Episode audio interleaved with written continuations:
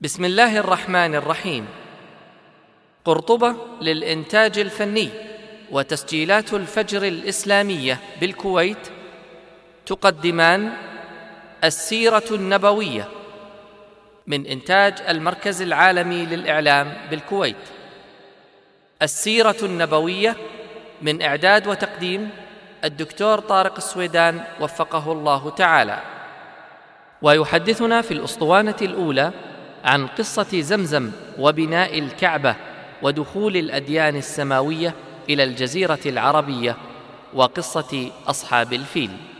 فمع المادة. بسم الله الرحمن الرحيم والحمد لله رب العالمين والصلاة والسلام على سيدنا محمد النبي الكريم وعلى آله وصحبه أجمعين. اللهم لك الحمد حمدا كثيرا طيبا مباركا فيه مباركا عليه كما يحب ربنا ويرضى. وبعد فهذه سلسلة من الدروس في سيرة النبي المصطفى صلى الله عليه وسلم. وهي أعظم سيرة وأطهر تاريخ لسيد البشر محمد صلى الله عليه وسلم. هذه السلسلة من الدروس نهدف من ورائها ليس فقط بأن نعرف المسلمين بدينهم وبسيرة نبيهم صلى الله عليه وسلم وإنما سنرى من خلال استعراضنا لسيرة النبي صلى الله عليه وسلم كيف أن دراسة السيرة تعلمنا أشياء كثيرة. ولعل من الأشياء التي لا ينتبه إليها كثير من الناس أنه بدون فهم السيرة لا يمكن أن يفهم القرآن. كثير من الآيات الكريمة لا يمكن أن تفهم إلا بأن نرجع إلى سبب نزولها. وأسباب نزولها موجودة في سيرة النبي صلى الله عليه وسلم. بداية هذه السلسلة نستطيع أن نبدأها من ميلاده صلى الله عليه وسلم ولكنني أحببت أن أبدأ قبل ذلك حتى نعرف تاريخ العرب قبل أن يأتيهم هذا النور الهادي. كيف كانوا ثم كيف صاروا بعدما جاءهم الوحي؟ التغيير الذي حدث في جزيرة العرب تغيير شاسع وعظيم وهائل جدا. لا يستطيع أن يتبينه الإنسان إلا بأن يرى هذه السيرة المطهرة. والبداية صعبة إذ أن تاريخ العرب قبل الإسلام طويل. لكنني أحببت أن أبدأ مع أمر من الله سبحانه وتعالى إلى نبيه الكريم إبراهيم عليه السلام.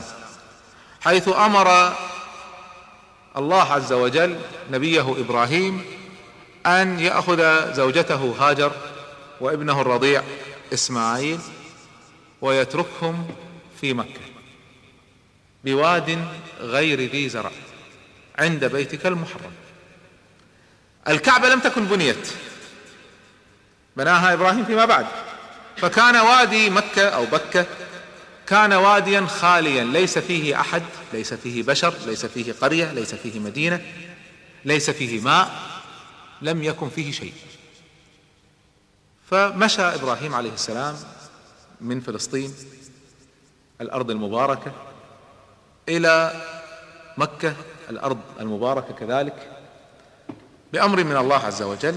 وهناك عند البيت الحرام عند موضع البيت الحرام ترك زوجته هاجر وابنه إسماعيل عليهم السلام أجمعين. ثم انصرف فاستغربت هاجر. تتركنا هنا؟ لا أرض لا, لا ماء لا زرع لا شيء. كيف؟ لا بشر. وهذا ولد رضيع. فتبعته. تستعطف كيف تتركنا هنا؟ ولم يلتفت. فاخيرا قالت له آه الله أمرك بذلك؟ قال نعم. فقالت بلهجة المؤمنه الواثقة من وعد الله عز وجل اذا لن يضيعنا. ما دام هذا أمر من الله الله سبحانه وتعالى لن يضيعنا. الله رؤوف بعباده. وانصرف إبراهيم عليه السلام. تعرفون القصة المشهورة أن هاجر عليه السلام بدأت تبحث عن الماء أخذت تسعى بين الصفا والمروة بحثا عن الماء تصعد على الصفا تتلفت لعلها تجد ماء أو تجد أحد فلا تجد فتذهب إلى المروة وتتلفت وتركت ولدها عند موضع زمزم. وأخذت تنتقل لعلها تجد شيئا سبع مرات وهذا أصل السعي. في هذه الأثناء كان جبريل عليه السلام قد نزل وضرب بجناحه الكريمة الأرض فانشقت الأرض عن بئر زمزم ونبع الماء. فكان هذا أول أمر زمزم. هذا كله حدث بعد تهدم سد مأرب. سد مأرب سد عظيم. كان في اليمن واليمن هي موطن العرب الأصيل. أصل العرب من اليمن. ما عدا القبائل الرحل لكن العرب التي المتحضرة التي كانت مقيمة في مكان واحد كانت مقيمة فقط في اليمن ما كان في عرب إلا في اليمن. فلما تهدم سد مأرب الذي كان يزودهم بالماء وكان مصدر الخير بالنسبة لهم وبدأت المجاعات بدأ الناس يهاجرون من اليمن يبحثون عن الرزق.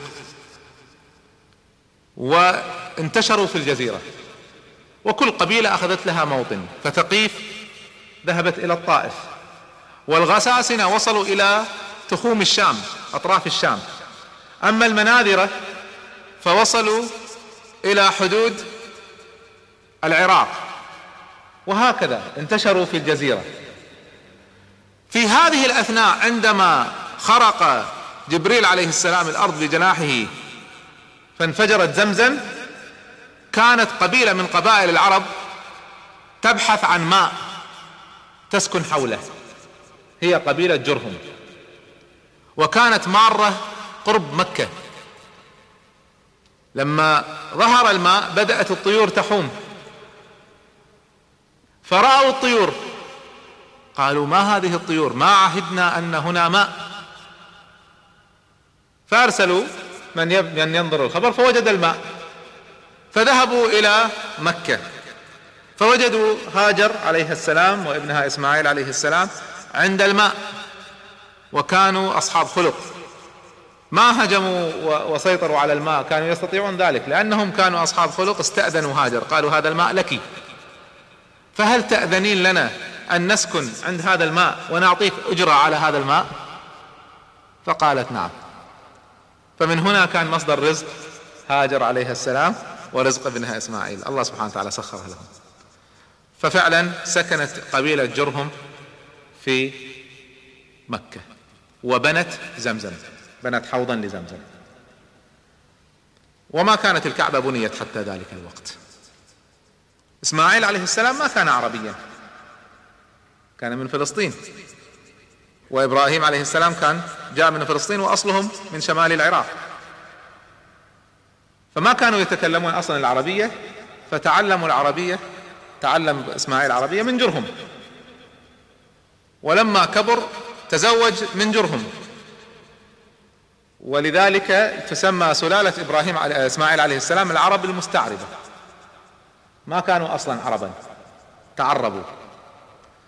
وإسماعيل عليه السلام هو أبونا أبو ابن أبو النبي صلى الله عليه وسلم. لما كبر إسماعيل عليه السلام جاء امرا تاليا من الله عز وجل.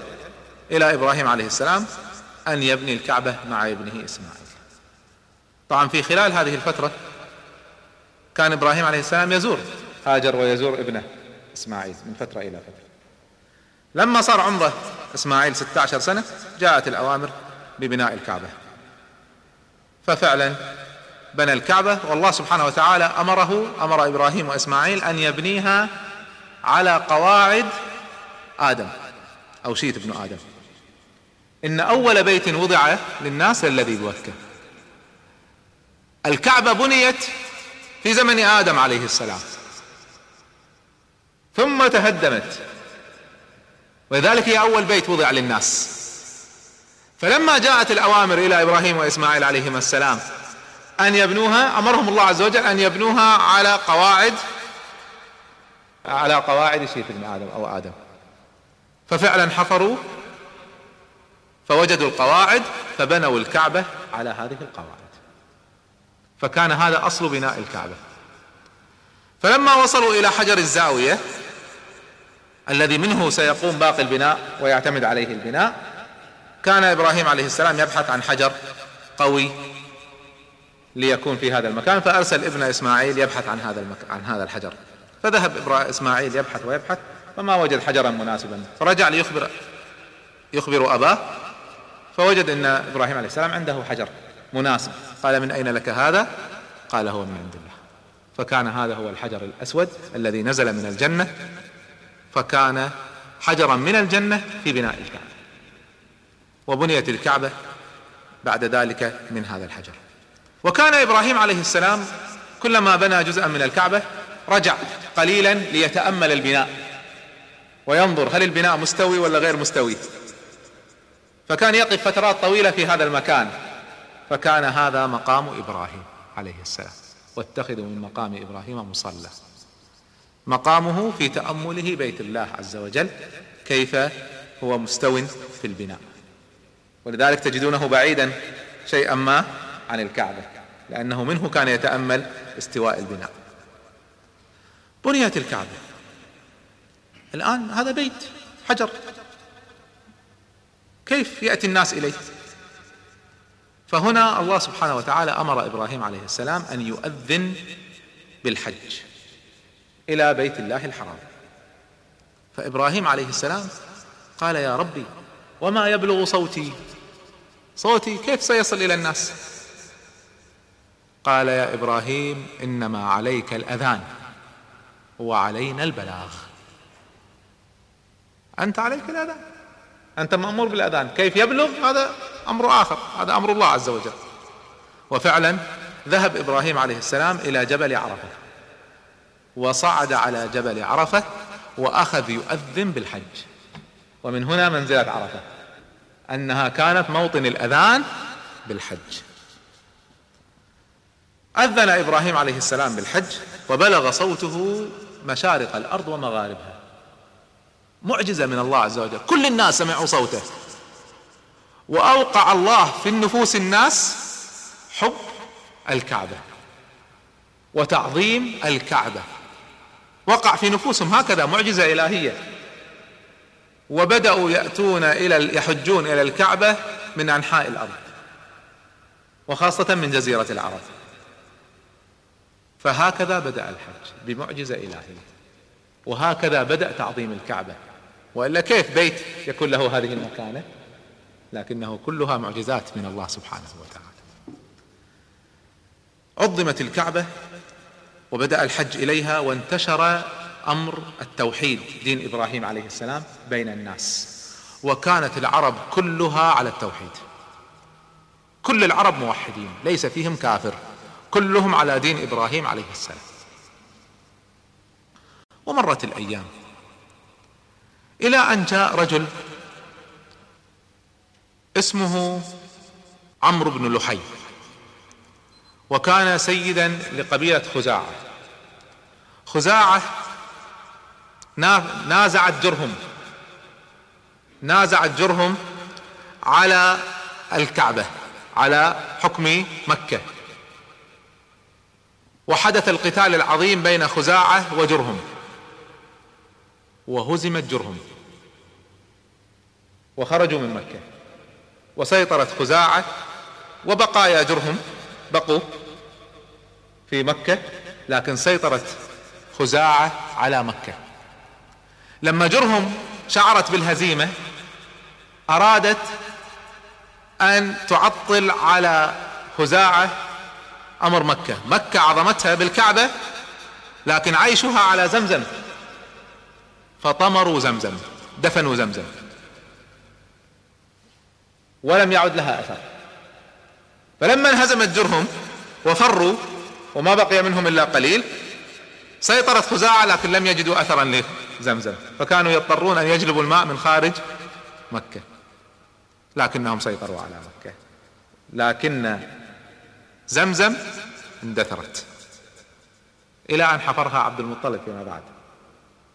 لكن هذا أمر دفن زمزم بسيطرة خزاعة على مكة. سيطرت خزاعة على مكة 300 قيل 500 سنة وهم مسيطرين على مكة. وكان يرأسهم عمرو بن لحي. عمرو بن لحي كان سيد مكة بلا منازع وكان لا يرد له أمر وكان من أغنى الناس وأكرم الناس. فكان يطعم الحجيج وحده. وكان يسقي الحجيج وحده.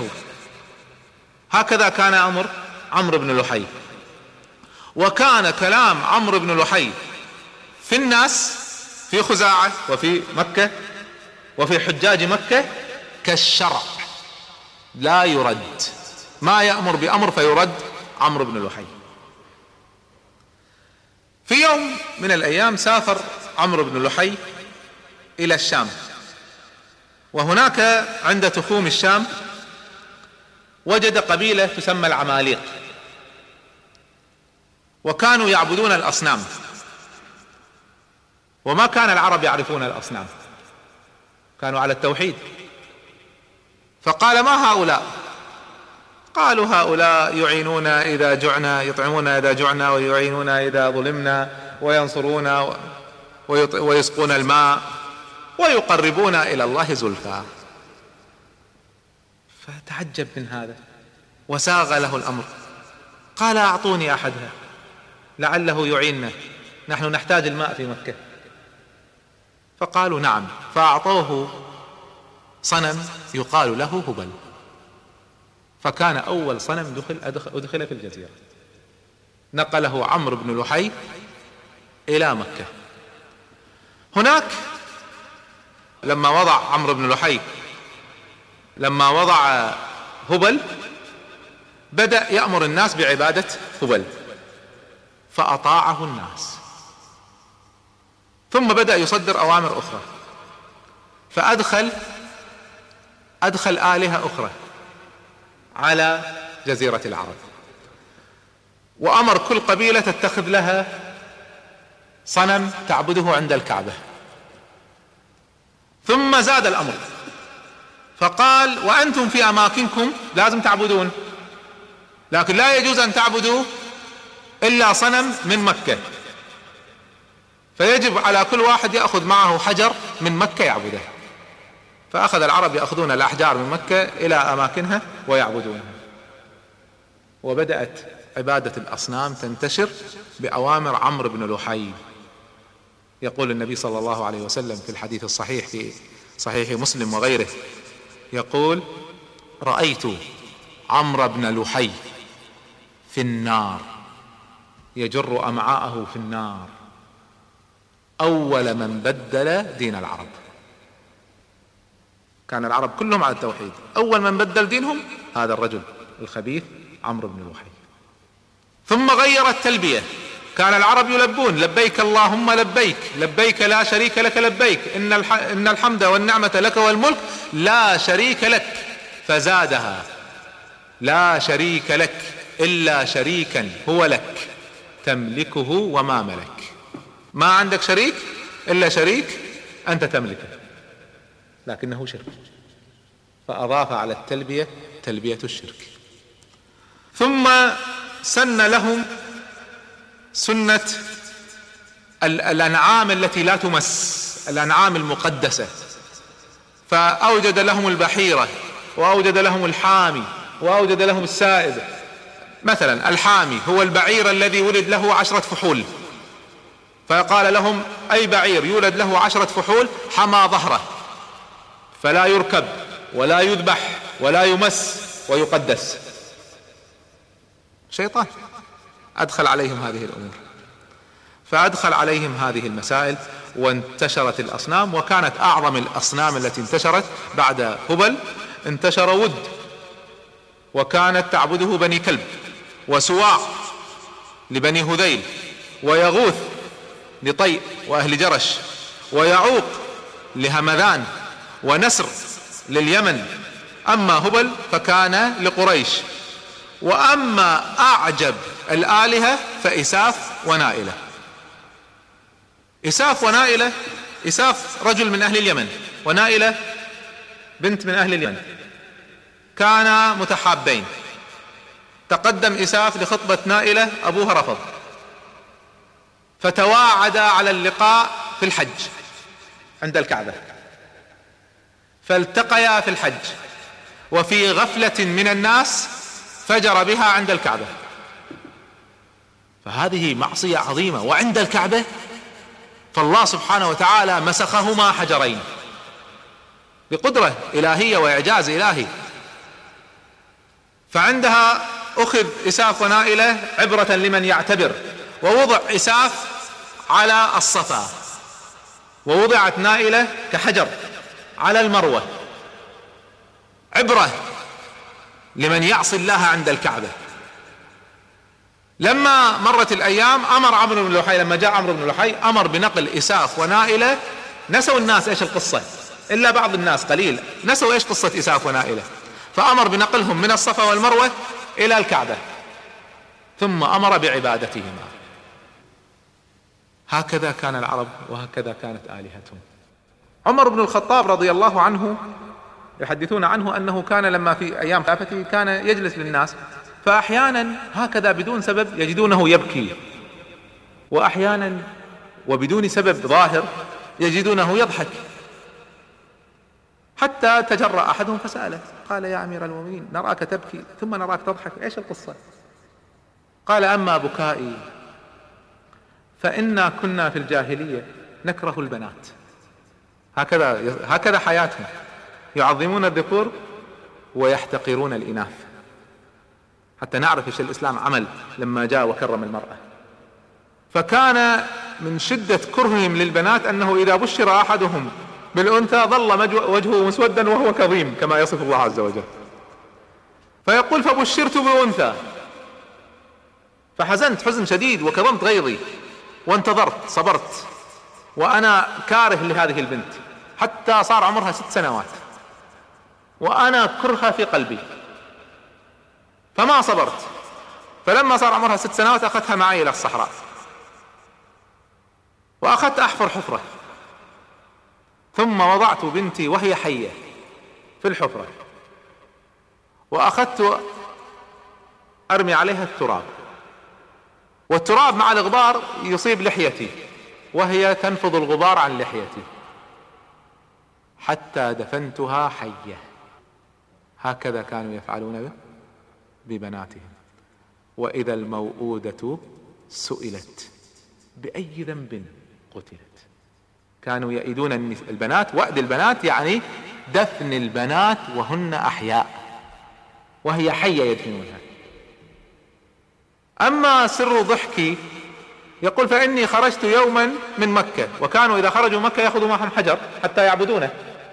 يقول فنسيت أن آخذ معي حجر من مكة. فلما جيت أبي أصلي أبي أتعبد. ما عندي حجر من مكة. كيف أتعبد؟ يقول فوجدت عندي تمر من مكة. فأخذت التمر وصنعت منه تمثال. وأخذت اعبد التمر. فلما خلصت وجعت ما عندي إلا التمر أكله. يقول فأكلت ربي. هكذا كانوا. هكذا كانت جاهليتهم. حتى نعرف ماذا فعل الإسلام بهم. ننتقل إلى كيف دخلت النصرانية وكيف دخلت اليهودية جزيرة العرب.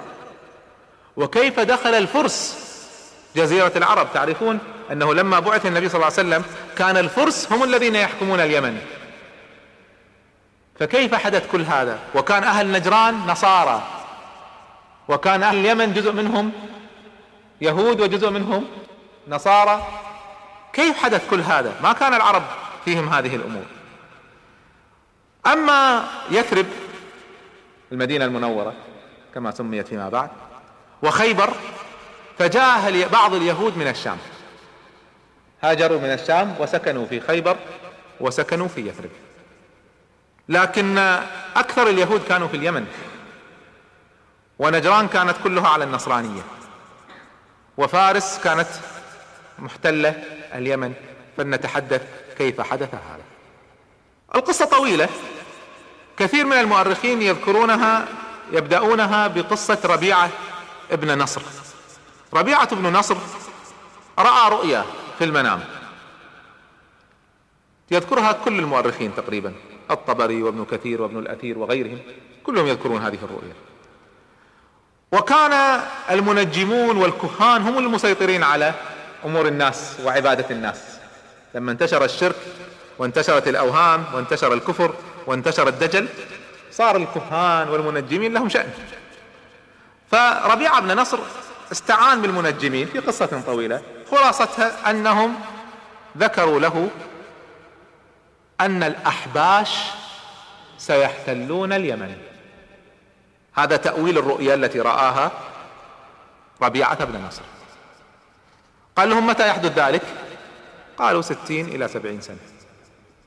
فخاف على أهله وذريته وأولاده أن يتحكم بهم الأحباش. فأمر بأن أهله كلهم ينتقلون من اليمن إلى العراق. فسكنوا الحيرة وسيطروا عليها.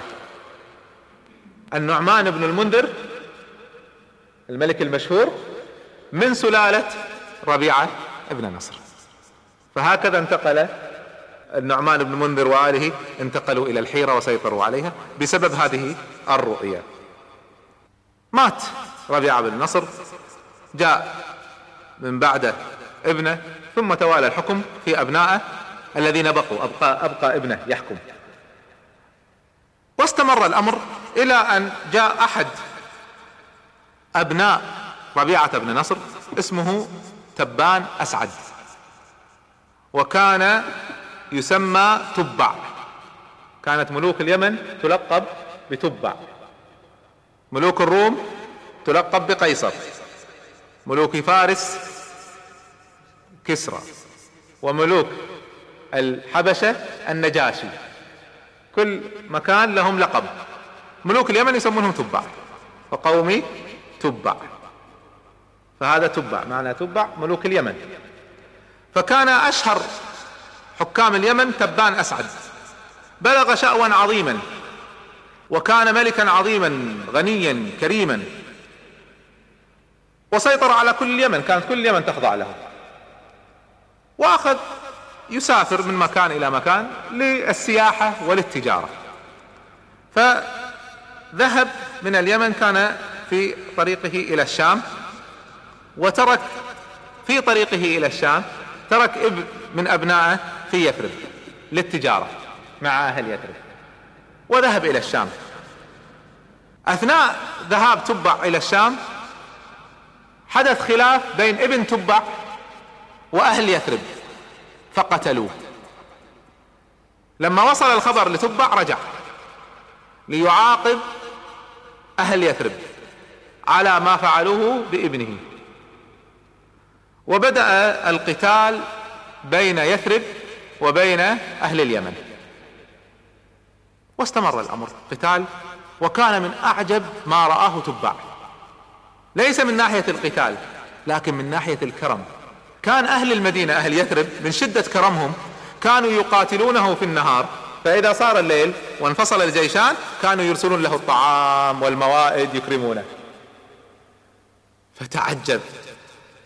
أي كرم هذا الإنسان يكرم اعداءه من يبلغ هذه الدرجة من الكرم؟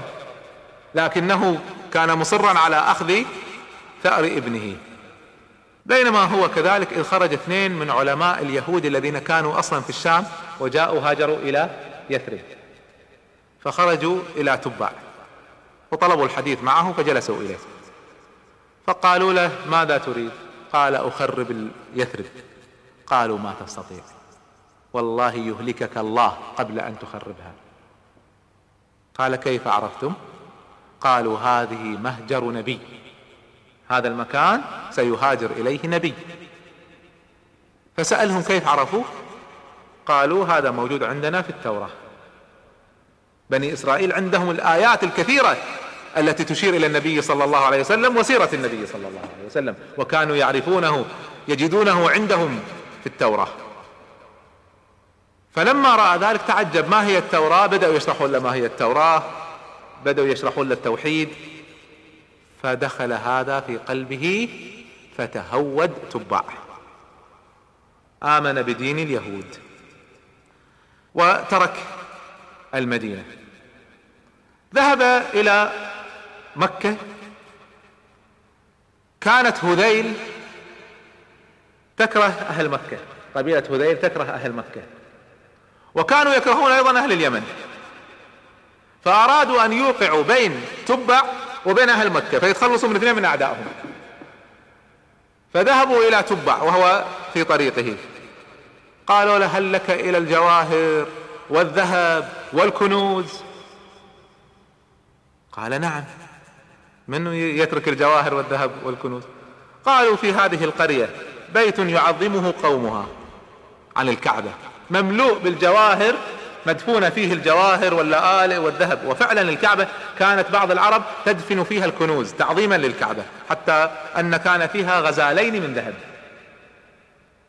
فالرجل طمع فجهز نفسه حتى يهجم على مكة ويهدم الكعبة ويخرج كنوزها. وفعلا أمر الجيش بالاستعداد. الأحبار اليهود الاثنين كانوا قد ذهبوا معه حتى يعلمون قومه اليهودية. فحسوا بالحركة جاءوا إليه ما شأنك؟ قال لهم أريد أهجم على هذه القرية آخذ الذهب اللي فيها. قالوا والله ما أراد الهذليين إلا هلاكك. قال كيف؟ قالوا ما علمنا بيتا لله على الأرض إلا هذا البيت. هذا أعظم بيت. ولو أردت هدمه الله الله يهلكك. فتعجب. قال ما تأمروني؟ قالوا عظمه وطف به. قال أنتم ليش ما تطوفون؟ ولماذا لا تعظمونه؟ قالوا نفعل لولا أن قومه ملأوه بالأصنام. وإحنا علماء ما ينبغي لنا ذلك. ففعلا تبع سمع كلامهم وذهب إلى مكة وعظم الكعبة وأخذ يطوف بها ونام في مكة. ورأى رؤيا في المنام أنه يكسو الكعبة يغطي الكعبة بالثياب. ما كانت الكعبة تكسى كانت بناء بدون كسوة. فأمر فصنعت كسوة للكعبة من صوف فغطيت بها الكعبة. ثم رأى رؤيا في المنام أنه يغطيها بأفضل من ذلك. فأمر بأن تغطى بالملائل وهي ثياب رقيقة فاخرة من ثياب اليمن. فكانت أول كسوة للكعبة. أول من كسى الكعبة تبع تبان وأسعد بن أبي كرب. ثم في كل عام كانت العرب تكسو الكعبة وكانوا يضعون كسوة فوق كسوة. واستمر هذا الأمر كسوة فوق كسوة إلى قريش إلى زمن عبد المطلب. حين شعرت العرب أن هذه الملائل من ثقلها ستهدم الكعبة. فأمروا بنزعها وأخذوا يضعون كسوة في كل عام. وهذا قصة الكسوة. كيف دخلت الكسوة على الكعبة؟ بعد ما رجع تبان أسعد تبع إلى اليمن دعا قومه لليهودية فأبوا. رفضوا. وكانوا يعبدون من ضمن عبادتهم يقدسون النار. فقالوا نتحاكم إلى النار. كان عندهم نار في بيت. إذا اختصم اثنين يذهبون إلى هذه النار ويفتحون الباب. فتخرج النار مع اندفاعها تخرج. فمن تصيبه النار اولا هو الظالم. والثاني هو الذي له الحق. هكذا كانت عقيدتهم هكذا سول لهم الكهان والدجالين. المهم قالوا نتحاكم إلى النار. فسأل الحبرين قالوا قال له افعل. فأخذ الحبرين التوراة وأخذوا يقرؤون ووقفوا أمام الباب. الكهنة اللي كانوا يتبعونهم أهل اليمن وقفوا أمام الباب. فلما فتح فتح الباب جاءت النار على الكهنة. ففروا هربوا. فعاتبهم قومهم. قالوا كيف تفرون؟ هذا حكم ما يصير تفرون. ارجعوا. فرجعوا مرة ثانية وبدأت العملية مرة أخرى. ففتح الباب مرة ثانية. فجاءت النار جهة الكهنة مرة أخرى. فصمدوا. فأكلتهم النار. حرقتهم النار. فتهود أهل اليمن. دخلت اليهودية في اليمن. فكان هذا كما يروي المؤرخين نحن لا نعلم. لكن هذا القصة الوحيدة التي عندنا في كيف دخلت اليهودية إلى اليمن. دارت الأيام. مات تبان أسعد. حكم من بعده ابنه حسان. حسان توسع في ملكه وزاد عظمته واغتر غرورا عظيما بنفسه. فخرج جهز جيش عظيم وقال والله لا أغزون العرب والعجم. أحكم الأرض. غرور لما الإنسان يسيطر عليه الغرور هكذا يظن أنه يستطيع يفعل كل شيء. من أعظم دولة في العالم؟ قالوا الفرس. قال أبدأ بهم. أول واحد أقضي عليه كسر فجهز جيشه وذهب ليغزو الفرس. أعظم دولة في الأرض في ذلك الوقت. في الطريق الجماعة الوجهاء الأعيان اللي معاه متضايقين بس خايفين. من يستطيع يغزو الفرس؟ من نحن حتى نهاجم الفرس؟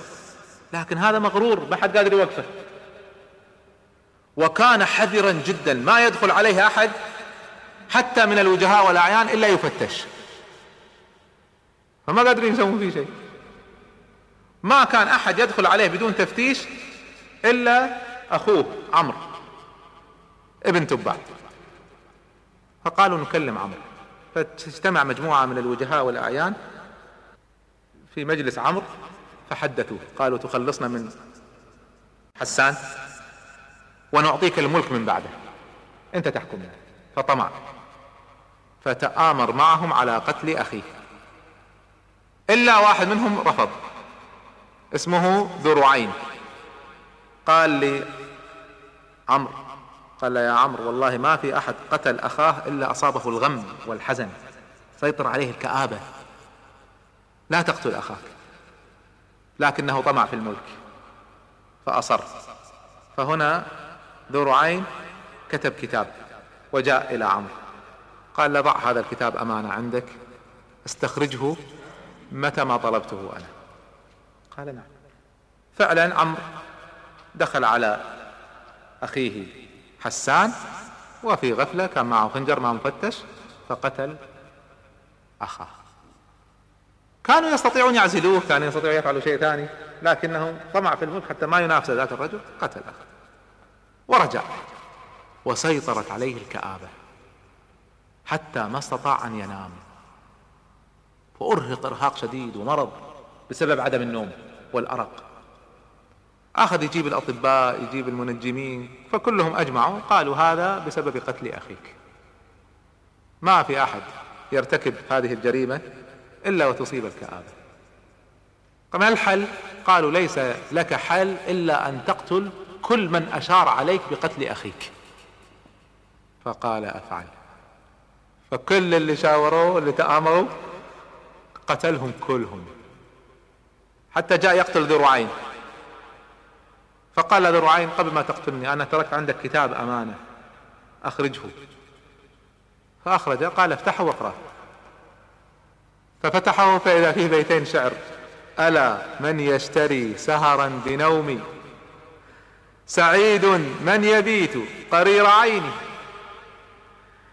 ألا من يشتري سهرا بنومي؟ من يعوض السهر بالنوم؟ السعيد مو اللي عنده فلوس. هذا ملك من أعظم الملوك لكن ما هو قادر ينام. السعيد هو من يبيت قرير عيني. مطمئن راضي. فأما حميرة أهل اليمن غدرت وخانت فمعذرة الإله لذي رعين. أنا كنت قلت لك لا تقتل أخاك تذكر؟ قال نعم صدقت. فعفى عنه فكانت هذه الابيات سببا في نجاة ذي رعين. لما مات عمرو تنازع أبناء ربيعة بن نصر على الملك. وتفرقت اليمن تمزقت اليمن. وبدأ الصراع والقتال بين أهل اليمن. في هذه الفترة في هذه الفوضى السياسية المنتشرة جاء رجل اسمه لخنيعة ذي شناتة. لخنيعة هذا كان قطاع طرق حرامي مجرم. وعنده عصابة معاه. فاستطاع يزيد من أعضاء عصابته مع هذه الفوضى السياسية حتى جهز منهم جيش صغير ووثب على العاصمة وسيطر على قصر الملك وحكم اليمن. هكذا في غفلة في ظل ظل هذا الصراع السياسي استطاع أن يفعل هذه الفعل وكان فاجرا. شديد الخبث شديد الظلم يكرهه كل الناس. وفي قصة طويلة خلاصتها أن أحد أبناء تبع اسمه ذو نواس استطاع أن يتسلل إلى لخنيعة فيقتله بالخنجر. وسيطر ذو نواس مرة أخرى على اليمن ورجع الملك لأبناء تبع مرة أخرى. في هذه الفترة لما حكم ذو نواس حدث حادث صغير جدا في نجران لكنه كان سببا في أحداث عظيمة حدثت في الجزيرة. رجل نصراني راهب من من رهبان النصارى على التوحيد. والنصارى فيهم موحدين إلى اليوم. من أقسام النصرانية ناس يسمونهم موحدين يونيتيريانز إلى هذا اليوم موجودين. فكان هذا الرجل نصراني موحد على دين المسيح عليه السلام على التوحيد. كان خارجا من الشام يدعو إلى الله عز وجل في أفريقيا. فوثبت عليه عصابة فأسرته وباعوه لرجل من نجران فأخذه الرجل معه إلى الجزيرة. هذا الراهب اسمه فيميون ففيميون صار عبدا عند هذا النجراني. وكان يخدم سيده لكنه كان يتعبد في أوقات فراغه وكان شديد العبادة وكانت له كرامات. فدخل عليه سيده في يوم من الأيام فوجد عنده حواليه نور في الليل. قال ما شأنك وما دينك؟ فقام يشرح له النصرانية ودين النصرانية. فالرجل تردد وكانت نجران يعبدون شجرة. عملوها إله فهنا في ميون سأل سيده قال أرأيت إن أهلك إلهي إلهك؟ تعبد إلهي؟ قال لا والله إله إلهك يغلب إلهي. طبعا أبعد أعبد إلهك. قال إذا واعد الناس. ولتروا ماذا يفعل إلهي بإلهكم. فتواعد الناس وتجمعوا عند الشجرة.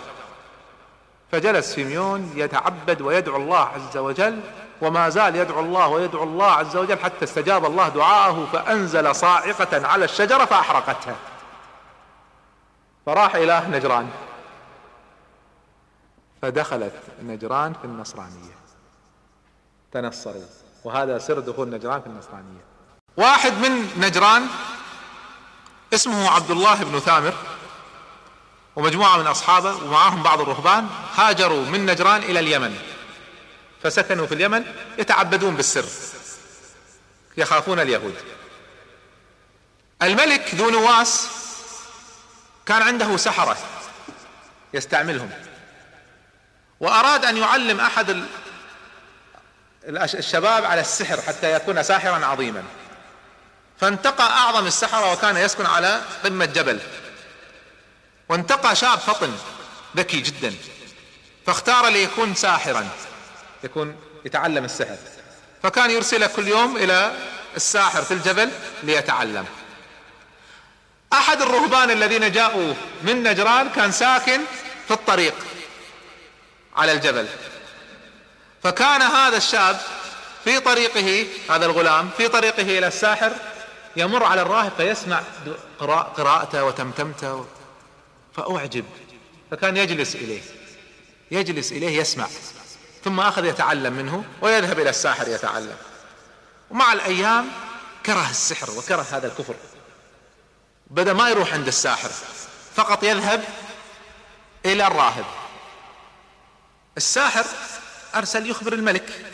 ذو نواس ابن تبان أسعد. قال له هذا انقطع فالملك سأل الغلام فرفض يخبره.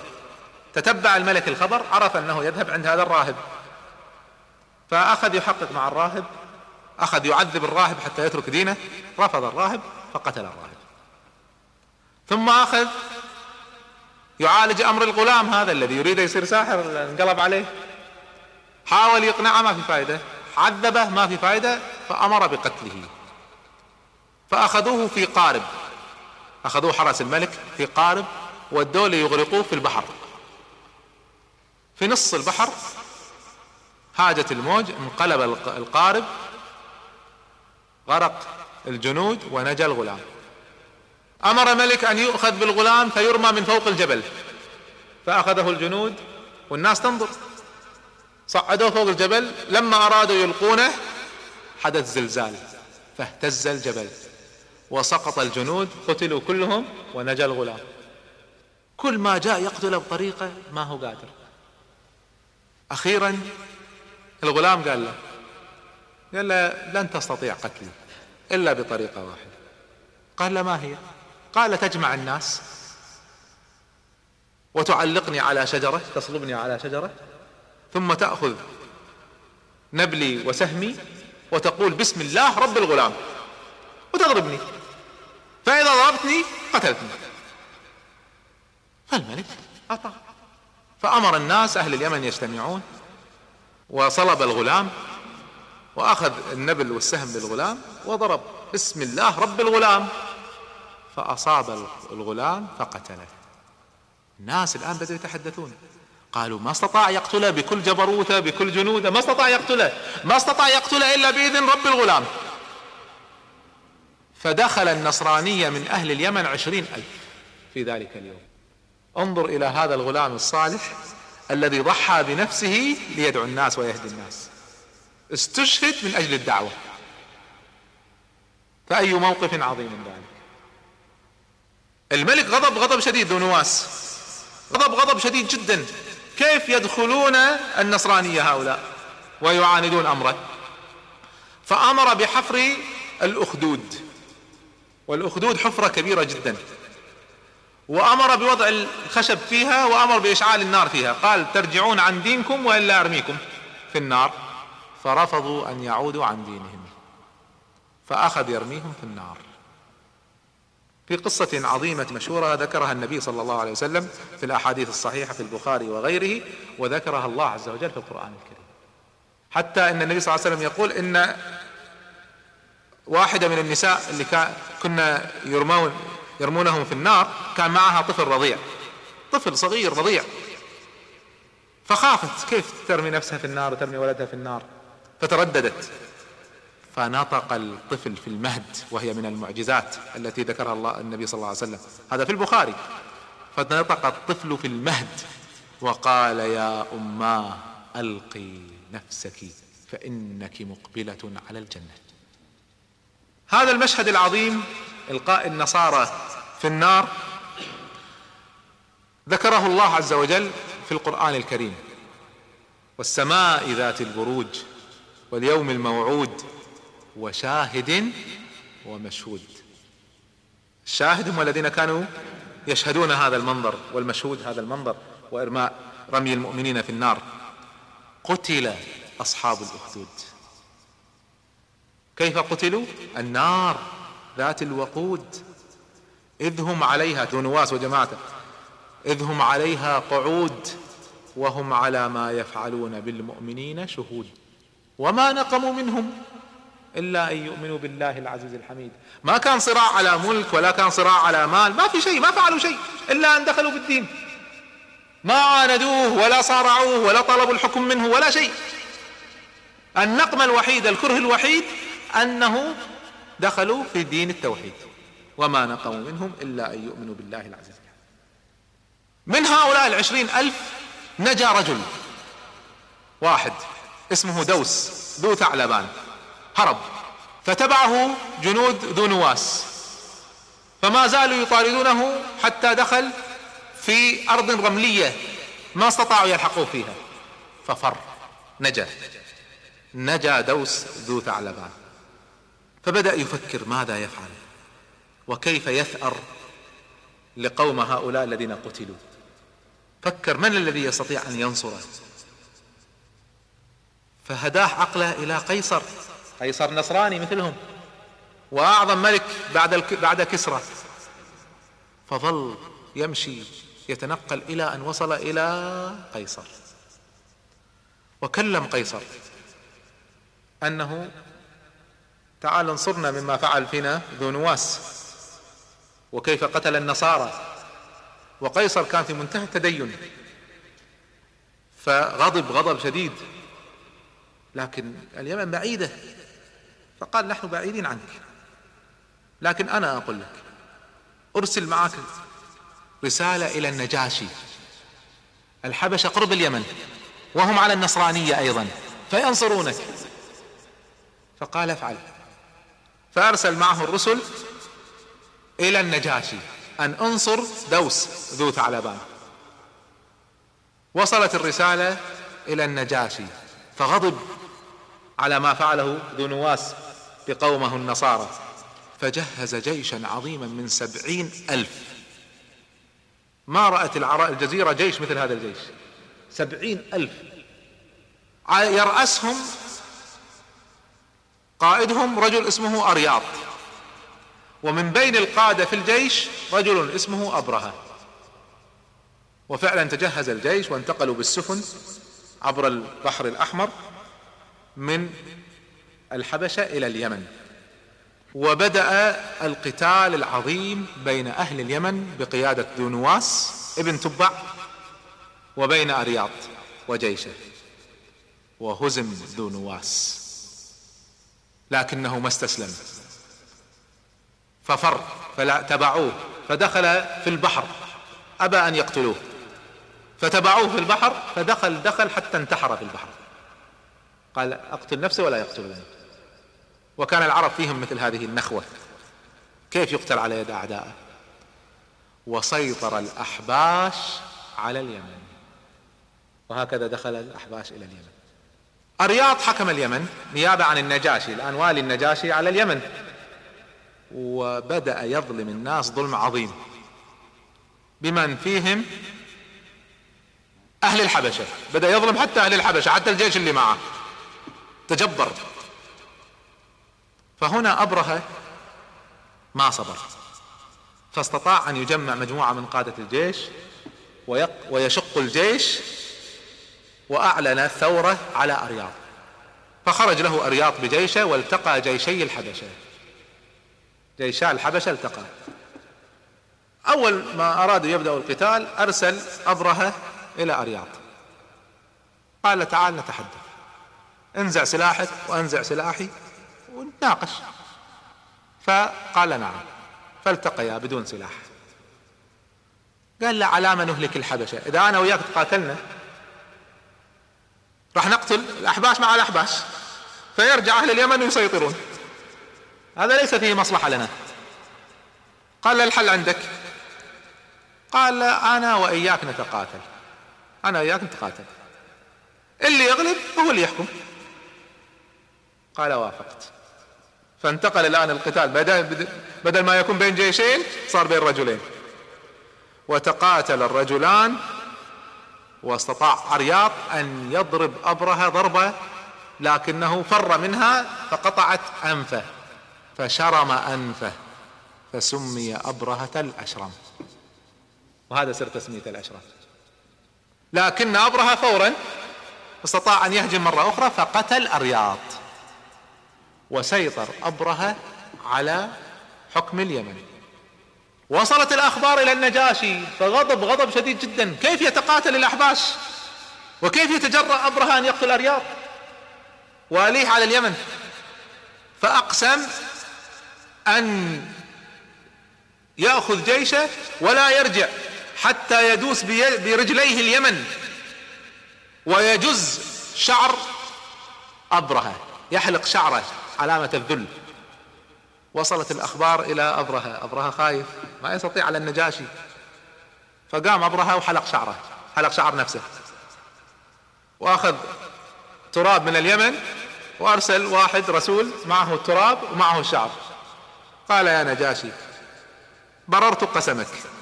هذا شعري جزينا لك إياه وهذا تراب اليمن دوس عليه. وما فعلت ما فعلت إلا لما ظلمنا رياض. وأنا تابع لك وأنا خادمك وأنا كذا وأنا كذا. فرضي النجاشي علامة القتال وكذا ما دام هذا موالي له وتابع له انتهت المسألة.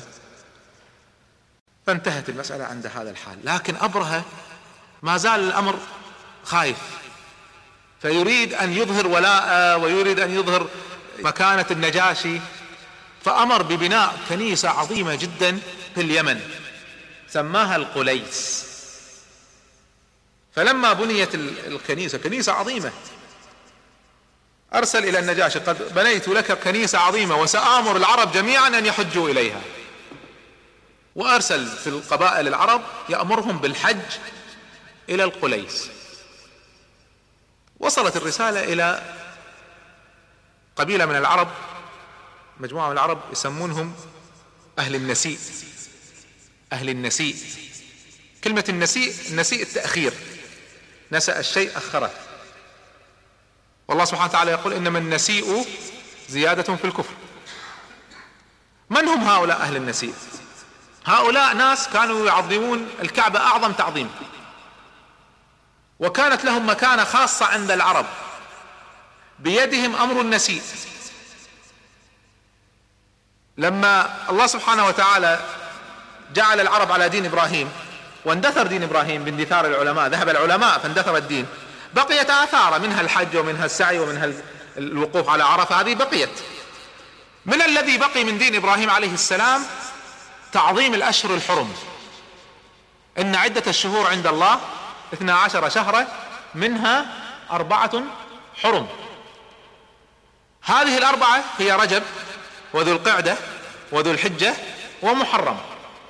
أربعة أشهر في دين إبراهيم عليه السلام في كتاب الله عز وجل منذ خلق السماوات والأرض أن هذه الأشهر حرم لا يجوز أن يبدأ فيها القتال. حرام أن يبدأ فيها القتال. ولذلك سميت حرم. وكان أي قتال يحدث في الأشهر الحرم يسمى حرب فجار فجروا فيه. والفجار خمسة فجرت العرب خمسة مرات. في الأشهر الحرم. فجار الخامس شهده النبي صلى الله عليه وسلم. لما هجمت مكة هوازن هاجمت قريش في الأشهر الحرم فكان النبي صلى الله عليه وسلم يقاتل يدافع عن قومه. يجوز الدفاع لكن لا يجوز الهجوم. فالنبي صلى الله عليه وسلم قاتل في الفجار دفاعا عن قومه يقول كنت أنبل لأعمامي يوم الفجار. في قتال هوازن. كان صغيرا كان يناولهم النبال. فالفجار هي المعارك التي تحدث في الأشهر الحرم. فكان العرب لا تتقاتل في هذه الأشهر الأربعة. رجب وحدة لكن في ثلاثة وراء بعض ذو القعدة وذو الحجة ومحرم. وكان كثير من قبائل العرب تعيش على الغزو. يغزون بعض يأخذون أغراض بعض نساء بعض يأسرون هكذا يعيشون. فوضى شديدة جدا. قتال مستمر بينهم. فكان ثلاث شهور طويلة عليهم ما فيها قتال فماذا فعل العرب؟ عينوا مجموعة سموهم أهل النسيء. قالوا هؤلاء من حقهم أن يؤخروا محرم إلى صفر. يبدلون صفر مع محرم. فيصير ذي القعدة حرام وذو الحجة حرام. بعدين ما يجي يأتي محرم يأتي صفر. إذا أهل النسيء قالوا السنة صفر قبل محرم صار حلال. وبعدين يأتي محرم يصير في حرام مرة ثانية. فالله سبحانه وتعالى يقول هم أصلا كفار. وهذا النسيء زيادة في الكفر. يحلون الأشهر الحرم بأن يلعبوا بهذه اللعبة. فنرجع إلى قصتنا. واحد من أهل النسيء ممن يعظمون الكعبة أعظم تعظيم. وكانت لهم هذه المكانة في العرب. وصله وصلته الأوامر أن هذا أبرهة يأمر بالحج إلى قليس. قال إيش هاي القليس؟ يريدها تكون بديل للكعبة؟ كيف؟ فراح تسلل ذهب إلى اليمن وتسلل ودخل القليس وقضى حاجته فيها. ولطخ جدرانها. وأسخها كلها. وطلع انتشر الخبر أبرهة شاف المنظر غضب غضب شديد جدا. من فعل هذا؟ قالوا واحد من أهل النسيء. إيش أهل النسيء؟ كذا. قالوا هذا ممن يعظمون الكعبة. ما هي الكعبة؟ قالوا هذا البيت الذي يحج إليه العرب. فعرف أنهم لا يحجون إلى القليس إلا إذا هدم الكعبة. فأمر بإعداد جيش عظيم من أهل اليمن ليهدموا الكعبة. غادر اليمن متجه إلى مكة وترك ابنه وراءه يحكم اليمن. وأخذ معه فيل عظيم اسمه محمود ليهدم به الكعبة. وتوجه أبرهة مع جيشه نحو مكة. في الطريق خرج له العرب يريدون أن يوقفوه. العرب ما استسلموا. فأول من بدأ ذلك رجل عظيم من عظماء العرب اسمه ذو نفر. فذو نفر جهز جيش لكن ما كان جيش كبير. وخرج ليقاتل أبرهة, أبرهة فقاتله أبرهة فهزم جيش ذو نفر وأسر ذو نفر وأخذه أبرهة, مع أبرهة معه في الطريق. في الطريق أيضا قبيلة خثعم وصلها الخبر أن أبرهة يريد أن يهدم الكعبة فتجهزت يرأسها نفيل ابن حبيب الخثعمي. وحدث القتال مع أبرهة فهزمت خثعم وأسر نفيل. وصل أبرهة إلى الطائف. فالطائف خافوا. أهل ثقيف قبيلة ثقيف الذين كانوا يعيشون في الطائف خافوا. خافوا أن يهدم الطائف ويدمر قومهم ويقتلهم. فأرسلوا إليه. قالوا إحنا ما لنا شغل فيك تريد تروح تهدم الكعبة؟ اهدم الكعبة. وعشان نثبت أن إحنا يعني لا نريد شرا معك نرسل معك واحد يدلك أين الكعبة. فتطوع واحد منهم اسمه أبو رغال ليدل ابرهة على مكان الكعبة. ما كان أحد العرب كلهم رافضين يدلونه. فذو رغال تطوع من بين العرب خيانة تطوع أن يدل ابرهة على الكعبة. فعلا أبو رغال دله على طريق الكعبة. لما اقتربوا من مكة مات ذو رغال ودفن هناك. دفن ما بين مكة والطائف. وجعل قبره عند العرب مرجما. ترجمه العرب. خيانة. كيف يخون قومه؟ وحتى الآن في أمثال العرب إذا أرادوا أن يقولوا فلان خائن يقولون ذو رغال هذا الخيانة. كيف خان قومه ويدل عدوه على هدم البيت الذي يعظمونه. لكن وصل أبرهة إلى الكعبة أو وصل إلى أشراف مكة. لما وصل إلى أطراف مكة كان أهل مكة يرعون الإبل. فجنود أبرهة أخذوا الإبل. ومن بين ما أخذوا مئتين بعير لعبد المطلب جد النبي صلى الله عليه وسلم. وكان سيد مكة بلا منازع. فهنا وصلت الأخبار إلى أهل مكة. عبد المطلب أرسل يريد أن يقابل أبرهة. فأبرهة رفض أن يقابل أحد من العرب. كان رافض يقابل أحد من العرب. فهنا ذهب عبد المطلب إلى ذو نفر الأسير. قال له ما في حيلة للدخول على هذا الملك؟ قال له والله أنا أسير. ما عندي شيء. لكن أنا أقول لك. أنيس سائس الفيل. الذي يقود الفيل وكان سائس الفيل عندهم معظم مكانة كبيرة الذي يسوس الفيل. هذا مقرب عند أبرهة وحدثت بيني وبينه في الطريق صحبة. وإحنا ماشي وياه صارت بيني وبين أنيس صحبة. فإن شئت كلمت لك أنيس يتوسط لك الدخول على أبرهة. قال افعل. فذو نفر كلم أنيس أنيس توسط عند أبرهة فأبرهة وافق أن يسمح لعبد المطلب أن يدخل عليه. وكان عبد المطلب جميل جدا ذو وسامة وسيم وكان شكله مهيب. كل من يراه يعظمه ويهابه. فلما استأذن على عبد المطلب عبد المطلب استأذن على أبرهة أذن له فلما دخل عظمه أبرهة من أول ما شافه مكان تعظيمه مهابة. وكان أبرهة يجلس على عرش مثل السرير كبير. فأراد أن يجلسه معه على العرش. لكنه خاف أن تنتقد الأحباش على هذه الفعلة. فنزل من عرشه وجلس مع عبد المطلب على الأرض. تعظيما لعبد المطلب. ثم قال له ما عندك. قال يا أبرهة إن جنودك قد أخذوا الإبل من الناس ومن بينهم مائتين بعير لي.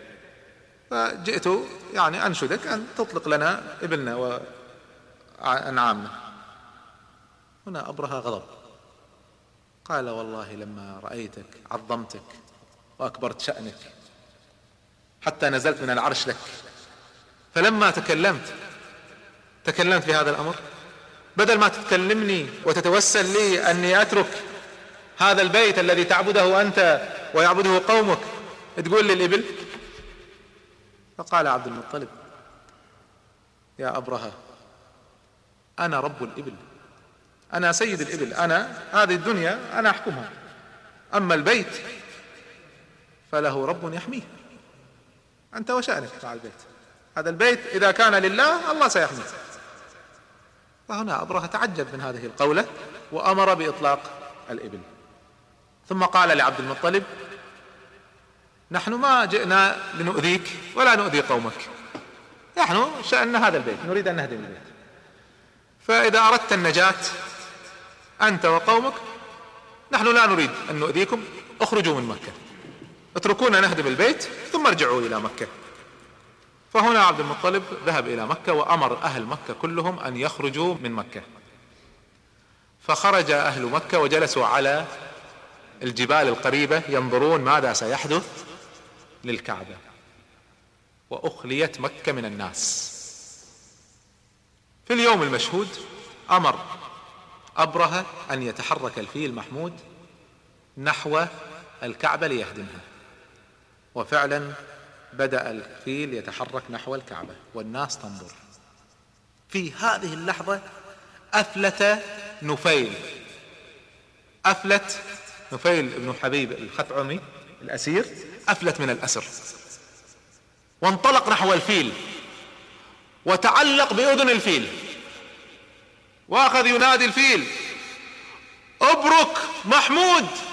ابرك محمود! فإنه بيت الله العظيم. فبرك الفيل. جلس مكانه. جاءوا يحركون ما تحرك. بدأوا يضربون ويخزونه ما يتحرك. فجاء أنيس ودار الفيل دار وجهه فقام. وجهه جهة اليمن مشى. كل جهة يوجه إليها يمشي. يوجه جهة الكعبة يرفض. والناس متعجبة ماذا يحدث؟ بينما هم يعالجون أمر الفيل إذ رأوا من بعيد في السماء سواد يملأ السماء. غمامة سودة تملأ السماء. فتعجبوا ما هذا. فلما اقتربت فإذا هي الطير الأبابيل. يصفها العلماء في الأحاديث أنها طيور صغيرة كالعصافير.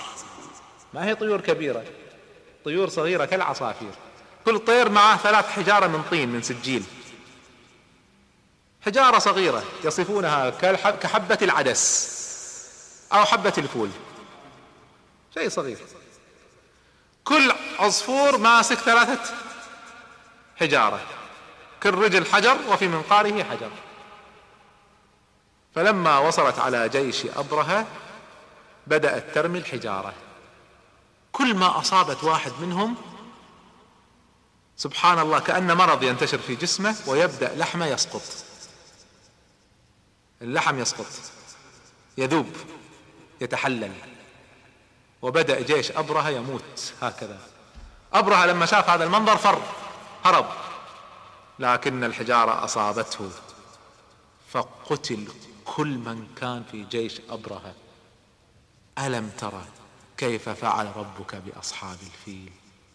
ألم يجعل كيدهم في تضليل؟ وأرسل عليهم طيرا أبابيل ترميهم بحجارة من سجيل فجعلهم كعصف مأكول. ليس لهم شأن وليس لهم قيمة. معجزة من الله سبحانه وتعالى. زاد تعظيم البيت في نفوس العرب بيت الله الحرام. وكان العرب ما عندهم تقويم ما عندهم تاريخ كانوا يؤرخون بالأحداث. حرب الفجار الأولى حرب الفجار الثانية هكذا يؤرخون. فأخذوا يؤرخون بعام الفيل. وكانوا يقولون ثلاث سنوات قبل عام الفيل سبع سنوات بعد عام الفيل هكذا كان تأريخهم. ما كان عندهم تقويم. في ذلك العام ولد النبي صلى الله عليه وسلم. في عام الفيل. ولد النبي صلى الله عليه وسلم.